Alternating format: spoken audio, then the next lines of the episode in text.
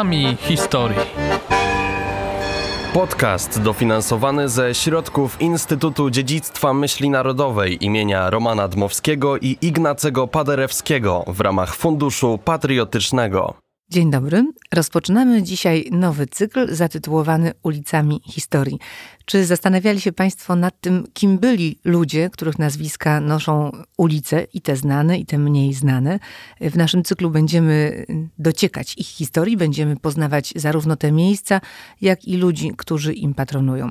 Przy mikrofonie Anna Popek, a moim gościem jest pan profesor Robert Gawkowski, szef działu naukowego Muzeum Sportu i Turystyki w Warszawie. Dzień dobry, witam Dzień serdecznie. dobry, witam. Jest pan także prezesem Towarzystwa Miłośników Historii.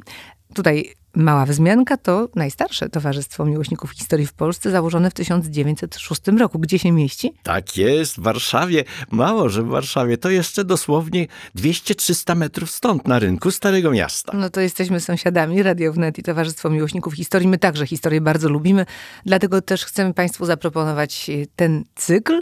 E, Myślę, że pogłębi on mm, wiedzę o polskich bohaterach, e, o ważnych postaciach w naszej historii i tradycji. Myślę, że też przyczyni się do tego, że będziemy rozumieć różne wątki historyczne, nie tylko te najbardziej znane, epokowe, przełomowe wydarzenia, ale także życie codzienne i to, kim byli dawni Polacy, czym się zajmowali.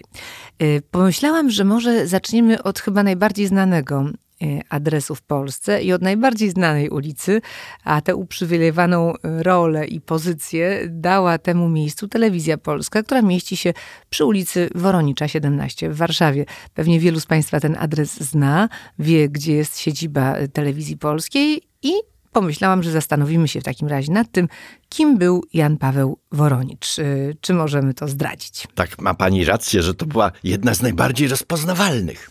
W momencie 1969 rok, wtedy wybudowano te budynki na Woronicza należące do telewizji polskiej. E, To były takie momenty, że listonosz przeklinał tą sławę Woronicza, dlatego że musiał worki listów przynosić, bo właśnie jakiś konkurs telewizja rozpisała. Tak, więc myślę, że Państwo znają y, to miejsce, ale niewiele wiemy y, o Janie Pawle Woroniczu. Przynajmniej tak w potocznym, potocznej wiedzy. Y, Wiemy tylko, że był księdzem. Gdzie się urodził i kiedy? Tak, urodził się na Kresach w okolicach Ostroga, tam gdzie jest ta przesławna Akademia Ostrogska, no obecnie Państwowy Uniwersytet na Ukrainie. E, To było, patrząc na mapy przedwojennej Rzeczpospolitej, dosłownie tuż przy granicy ze Związkiem Radzieckim. Czyli niebezpieczne tereny, No bo tam bolszewicka Rosja była. Szybko Ostróg został zajęty e, przez armię radziecką, no ale my musimy przenieść się w łagodniejsze, lepsze czasy do 1757 roku, gdy urodził się właśnie tam w okolicach Ostroga Jan Paweł Woronicz. Y, W jakiej rodzinie przyszedł na świat? No oczywiście z, y, w rodzinie z aspiracjami. Jego dosyć szybko wysłano do stanu duchownego i jeszcze tam, będąc w Ostrogu, y, został wyświęcony na kapłana, na jezuitę. E, zaczynał też swoją przygodę z nauką, bo przecież Jan Paweł Woronicz to w pewnym skrócie wielki działacz oświeceniowy, a zarazem ksiądz. Ale zanim zaczął y, zajmować się nauką, y, pojawił się u niego talent poetycki, czy też może odkrył w sobie ten talent y, i jeszcze właśnie będąc w Ostrogu zaczął pisać sielanki. No i wtedy także podjął decyzję, że wstąpi do zakonu jezuitów. Upodobał sobie retorykę jako sposób przemawiania do ludzi, do wiernych, do tłumu i później rzeczywiście bardzo skutecznym był kapłanem i kaznodzieją. Za chwilkę wrócimy do wątku y, tej ważnej postaci, ale patrzę na mapę, którą pan przyniósł ze sobą do studia. To jest bardzo piękna mapa, plan y, Wielkiej Warszawy z 1900 którego roku? 37. 37. I na tej mapie, za pomocą lupy pięknej, takiej złoconej, możemy odnaleźć ulicę Woronicza. Kiedy y, została nadana nazwa tej ulicy? A to bardzo dobrze, że pani z tą lupą temat po- porusza, bo bez lupy trudno byłoby tą ulicę znaleźć wówczas. E, Bo to faktycznie ulica, która miała może 400 metrów, gdzieś tam e, będąca w cieniu dużo ważniejszej ulicy Adama Naruszewicza. Zwróćmy zresztą uwagę, że ona, nasza ulica Woronicza, znajduje się w takim wysypie ludzi związanych z oświeceniem, bo przecież Naruszewicz też był księdzem i też był znaną postacią polskiego oświecenia. Rzeczywiście Naruszewicza, y, jak patrzymy na mapę, to równoległa nieopodal, są właściwie po sąsiedzku położone Równolegle, tak, no ale w owym czasie, a mówimy o 1937 roku, no to ulica Naruszewicza zapowiadała się na jakąś arterię. A Być teraz- może, tak.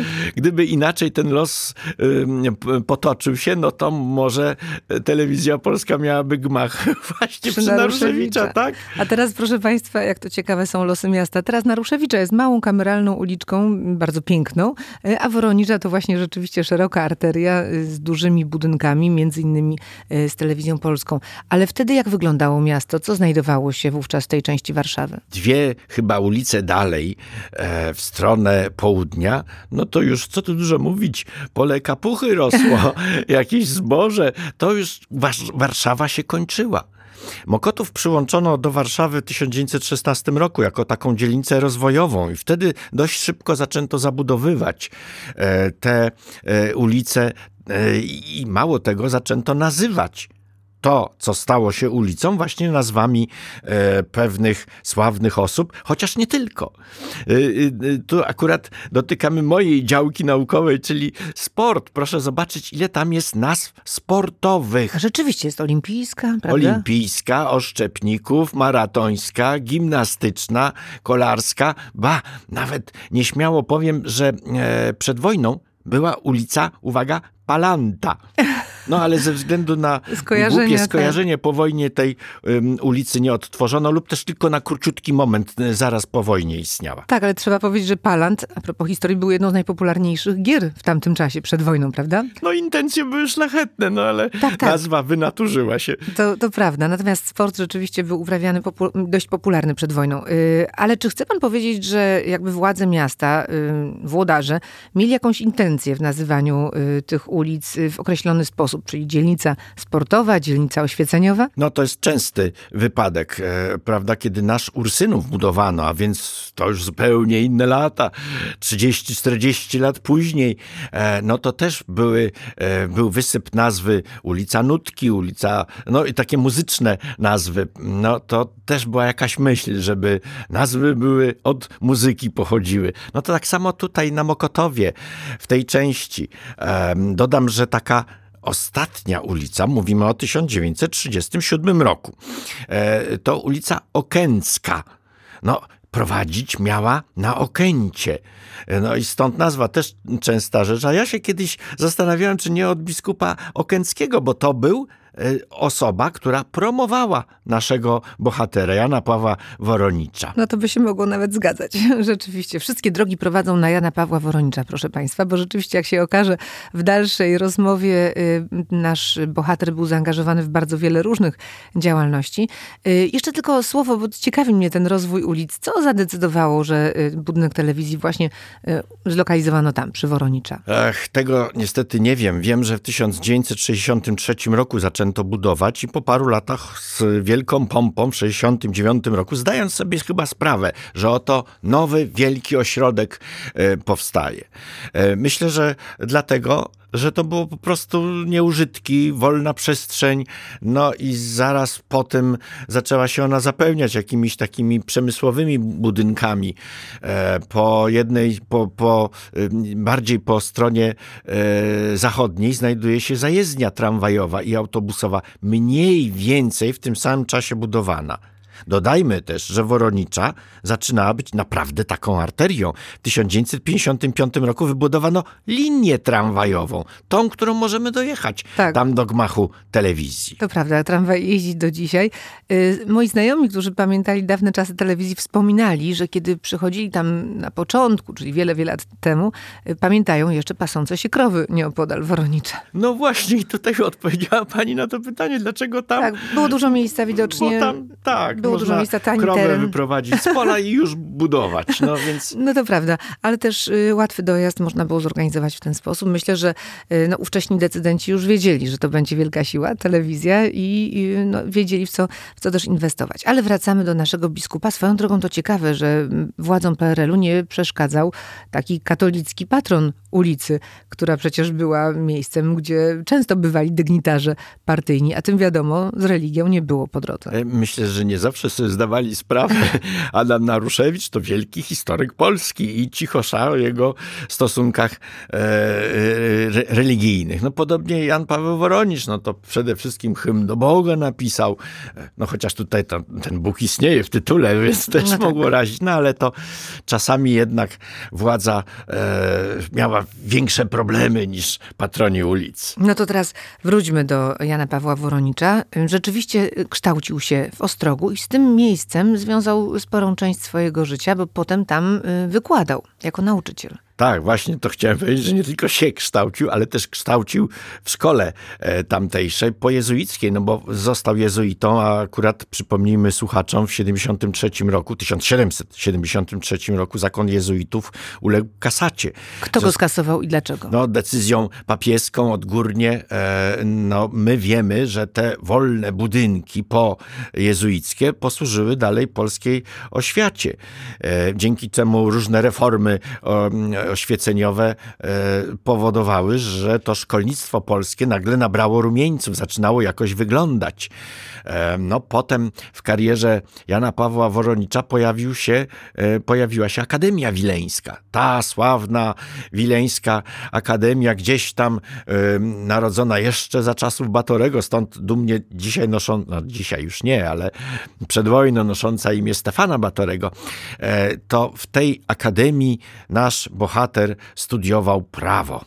Tak. Nie nauki teologiczne, tylko prawo. Czyli był dobrze wykształconym, no, nowoczesnym mm, obywatelem, tak można powiedzieć, właśnie, prawda? Właśnie, to jest godne podziwu, że e, nie zasklepił się tylko w tych naukach teologicznych, które potem zresztą też kształcił tu e, na krakowskim przedmieściu, koło kościoła Świętego Krzyża. Tam wówczas taka akademia e, do spraw duchownych znajdowała się i tam właśnie też się kształcił nasz bohater. Dobrze, to przejdźmy do kolejnego etapu w jego życiu, bo jak w takim razie znalazł się w Warszawie z tego Ostroga, co skłoniło go, żeby przyjechać tutaj i czym się zajmował? Najpierw z, po kasacie zakonu, no już nie mógł być zakonnikiem, w związku z tym został gdzieś w 80 latach proboszczem e, w Liwiu. Liwie, w Liwiu, no w okolicach Węgrowa, tam gdzie jest ten zamek mazowiecki. E, po jakimś czasie, e, bodajże już w XIX wieku, 1804-5, proszę mnie poprawić, jeśli się mylę, został proboszczem w podwarszawskim, już można powiedzieć, po wsinie. W 1803 i o. sprawował y, tę funkcję do 1815 roku. Proszę bardzo, tak Czyli niedaleko jest. od Warszawy, ale wtedy będąc w Powsinie pewnie zaglądał tutaj do stolicy, prawda? Mało tego, właśnie y, zobaczmy te znakomite jego utwory, znakomite oświeceniowe. E, no dzisiaj być może już e, niezrozumiałe dla dzisiejszego odbiorcy, no ale wtedy były niezwykle cenne. To właśnie pisał będąc po wsinie. Będąc po wsimnie, no to też niedaleko od Warszawy, stąd ten jego, jego łączność z tymi różnymi zmianami, które się tu w Warszawie działy. Został właśnie wtedy członkiem Towarzystwa Przyjaciół Nauk, tej wielce szacownej oświeceniowej instytucji. No i zaczynał coraz częściej głos zabierać w sprawach politycznych. Zresztą to skutkowało już w nowej erze, kiedy po tych zmianach napoleońskich powstało księstwo warszawskie. Tam pierwszy raz e, e, zaczynał piąć się na, po szczeblach kariery, nie tylko tej e, duchownej. No właśnie, był członkiem Najwyższej Wojennej Administracji Publicznej. Ciekawe, skąd ksiądz w takiej instytucji, ale być może to jego wykształcenie prawnicze właśnie i pewne umiejętności organizacyjne sprawiły, że tam się znalazł. A może też szacunek do jego oświeceniowych poglądów, bo tutaj jeszcze nie dodaliśmy jednej rzeczy. A to być może trzeba było wziąć by pod lupę tutaj nawiązuje do tej naszej lupy. Tak. E, w 1800 roku, mniej więcej wtedy, został proboszczem w Kazimierzu Dolnym. O, też Kazimierz, ładne miejsce. No tak, Kazimierz nad Wisłą, no nie była to kolebka polskiej oświaty, ale te kilkanaście kilometrów stamtąd rozciągały się Puławy. I stąd kontakt Jana Pawła Woronicza z czartoryskimi. No i być może wtedy właśnie ukształtowały się w pełni jego takie poglądy, ten światopogląd um, oświeceniowy. No i z tego był użytek właśnie w postaci sprawnego działacza e, już w księstwie warszawskim. Jan Paweł Woronicz no, miał chyba ambicje y, i możliwości, bowiem piął się potem po szczeblach tej kariery nie tylko duchownej. Y, co się wydarzyło w 1808 roku? Ach, ma pani pewno na myśli to, że został członkiem Rady Stanu w księstwie warszawskim. Tak. A no właśnie, się... najlepszy dowód na to, że szedł do góry. A co to była ta Rada Stanu? No, takie kolegialne ciało doradzające w sprawach y, najwyższej wagi w y, księstwie warszawskim. No, to zresztą ewoluowało troszeczkę i y, ten dobry czas minął wraz z klęskami Napoleona. To teraz może o jego karierze w hierarchii duchownej porozmawiamy. Tak, po tych kilku probostwach, które dostał w Liwiu, Kazimierzu, nad Wisłą i w Powsinie, no wreszcie w 1815 roku został biskupem. A to już jest coś w hierarchii kościelnej i na tym nie koniec. Ale kto go mianował tym biskupem? A, Aleksander I. E, no, były car, to czasy, tak? E, tak, ale car i król Polski zarazem. A dodajmy, że w owym czasie, jeszcze może przez następnych kilka lat, car Aleksander I miał łagodny stosunek do Królestwa Polskiego, e, no i jeszcze był takim carem otwartym. E, już pod koniec nastych lat wszystko mu się pozmieniało, coraz bardziej podejrzliwy był i już nie tak skory do, pewnego tole, do pewnej tolerancji wobec e, Królestwa Polskiego. A co się wtedy stało? Dlaczego zmienił swoje nastawienie? Ach, to nie jest takie proste wy, wytłumaczenie. Być, być może jakaś demencja, być może jakaś choroba, być może Albo... kolejne spiski, których odkrywał. No w każdym bądź razie dawał coraz częściej posłuch swoim doradcom, którzy mówili nie, trzeba podkręcić śrubę wobec Królestwa Polskiego. No właśnie, uprzejmi donosiciele. To rzeczywiście bardzo skuteczne narzędzie uprawiania polityki, niestety niekorzystnej dla nas. Został biskupem, yy, ale na tym się nie zatrzymał. Co dalej? W 1827 roku został nawet prymasem, czyli tym najważniejszym z arcybiskupów e, polskich. No i wtedy to, to był ten najwyższy stopień jego kariery. Dodajmy, że w Królestwie Polskim to on e, przewodniczył e, całemu, całej ceremonii koronacji Mikołaja I no, przewodniczył w uproszczeniu, można by powiedzieć, że to on koronował Mikołaja I, ale to nieprawda. Dokładnie wyglądało to w ten sposób, że Woronicz trzymał koronę, a car po prostu przyszedł, sobie wziął tą koronę i nałożył na głowę. No więc tak bezceremonialnie sami się zastanawiamy, czy to był e, efekt takiego braku poszanowania dla Królestwa Polskiego, taki pewien sygnał, czy też po prostu taki miał charakter i takie wychowanie, szanowny e, car Mikołaj I. No myślę, że może to rzeczywiście ma pan rację, y, bo to jednak jest akt symboliczny, o którym pewnie pisano szczegółowo, który został zrelacjonowany. To, że sam tę koronę wziął i sam sobie nałożył na skronie, pokazywało chyba pewien sposób działania carów i w ogóle Rosjan. Zresztą obserwujemy to teraz przy okazji wojny. Chcą, to biorą. Tak, to, to miało miejsce w 29 roku, już pod koniec życia e, e, naszego bohatera. E, no i e, być może jednak myli się pani, być może opisano Tyle tylko, że cenzura nie dopuściła tego do druku, bo przypomnijmy sobie, coraz częściej działała właśnie cenzura. I to no, mm, trzeba powiedzieć wyraźnie, przecież urzędy były polskie. W związku z tym urząd cenzura też był polski i urząd ministra do spraw oświaty, oświaty wyznań religijnych i oświecenia publicznego, taka była nazwa, sprawował e, taki, no e, tutaj często e, waham się, czy wymieniać Stanisław Grabowski, bo ciężko go, oceniamy go bardzo źle. Mówiło się minister zaciemnienia publicznego i zapewne nasz bohater nie zgadzał się z tym ministrem oświaty. E, nawiasem mówiąc, Stanisław Grabowski to nieślubny syn Stanisława Augusta Poniatowskiego, więc być może dlatego, że królewska krew, to właśnie dlatego od 20-21 roku został tym ministrem. No proszę, jednak konotacje rodzinne robią Brały swoje. górę, no ale y, nie w przypadku y, naszego Jana Pawła Woronicza. No, on zasłynął znakomicie znakomitymi mowami swoimi. Przecież to był profesor, można w cudzysłowie można powiedzieć, profesor homiletyki, ten, który znakomite miał oracje, mowy, e, porównywany już wtedy porównywany z Piotrem Skargą tym naszym kaznodziei sprzed 200 lat, 200 e, lat wcześniej urodzonym. E, z, z, drugiej strony, ja sam kiedyś pisałem o mm, biskupie Antonim Szlagowskim, rektorze Uniwersytetu Warszawskiego. To ten mój bohater Antoni Szlagowski był porównywany z, właśnie z Janem Pawłem Woroniczem. E, I, i, a więc Woronicz też niósł tą sławę znakomitego mówcy i oratora. To zapewne biskup Antoni Szlagowski, notabene związany z parafią świętej Barbary w Warszawie, y, pewnie czytał tamte homilie, tamte kazania y, Jana Pawła Woronicza. Tak, to był ksiądz uczony. E, właśnie dlatego został rektorem, wcześniej dziekanem Wydziału Teologicznego, znanym z powszechnej erudycji. E, no ale mówimy tutaj o Antoniu tak. Szlagowskim. Nie, a my wracamy Tam do Jana Pawła Woronicza, tak. Wróćmy jeszcze do tego poszanowania, czy też przeoczenia przez komunistów. Wspominamy lata stalinowskie, 1949-50. E, no, nazwę ulicy Jana Pawła Woronicza nie zmienili, chociaż ksiądz. No tak. E, zauważyliśmy to w naszej rozmowie. No to proszę sobie wyobrazić, że portret Antoniego Szlagowskiego, bądź co bądź biskupa, E, zawisł e, w sali Senatu Uniwersytetu Warszawskiego. No, jak wyraźniej też nie zauważyli tego, że ksiądz rektor właśnie był księdzem. Może koloratka nie była wystarczająco wyraźnie namalowana. Y, powoli zmierzamy już do y, kresu życia Jana Pawła Woronicza. Y, jak się znalazł w Wiedniu, bo wiemy, że tam umarł? No, jako dyplomata, jako człowiek e, powszechnie szanowanym, faktycznie jeździł. Zresztą to dotyczy też wielu innych e, osób polityki, ludzi oświeceniowych, e, także księży. Byli aktywni, byli mobilni, mimo że co, jedynie karocą mogli przebywać te przestrzenie.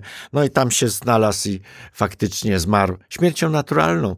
Ile miał już? No, y, ponad 70 lat. E, jak na tamte czasy, to był zasłużony wiek. I co po sobie zostawił? Mówiliśmy o hymnie do Boga, więc może dwa słowa na temat tego dzieła warto by było powiedzieć. Y, w hymnie do Boga opisuje dzieje Polski od okresu chrztu do czasów mu współczesnych y, i podkreśla y, znaczenie tego wydarzenia, właśnie chrztu, w kontekście zapewnienia bezpieczeństwa naszej ojczyźnie i uznania dla króla. Trochę mm, przepojona taką religijną nostalgią. Można zauważyć tutaj te nutki mesjanizmu pewnego. To e, składamy losy ojczyzny e, w ręce Boga. Dziękujemy Mu za te szczęścia i prosimy o strzeżenie naszego, naszej ojczyzny od różnorakich nieszczęść. No, trudny czas, bo e, właściwie trudno było wyważyć, co jest szczęściem, a co nieszczęściem. No, ale to takie były te, te czasy oświeceniowe, przez które znakomicie przeszedł nasz bohater Jan Paweł Woronicz. No bo e, słusznie znalazł się w tej galerii chwały tych mężów zasłużonych. To zakończmy w takim razie nasze spotkanie i opowieść o Janie Pawle Woroniczu y, początkiem tego hymnu. Nieogarniony światem ojców naszych Boże, Ty, który jeden nie znasz płochej wieków zmiany. Otośmy Twych ołtarzów, oblegli podnoże, niegdy lud tobie miły, a teraz znękany. Jan Paweł Woronicz rozumiał, w jakim momencie historycznym jesteśmy. Rozumiał też, że to był pewien pewna zapaść, z której trzeba się będzie y, wydostać i myślę, że tym się właśnie y, zajmował y, w swoim pracowitym życiu. Bardzo dziękuję za tę opowieść i przypomnienie tej ważnej dla Polski postaci. Moim gościem był pan profesor Robert Gawkowski, prezes Towarzystwa Miłośników Historii, a jednocześnie szef działu naukowego Muzeum Sportu i Turystyki w Warszawie. Bardzo dziękuję. Dziękuję bardzo. I zapraszamy państwa na kolejne spotkanie z ulicami historii.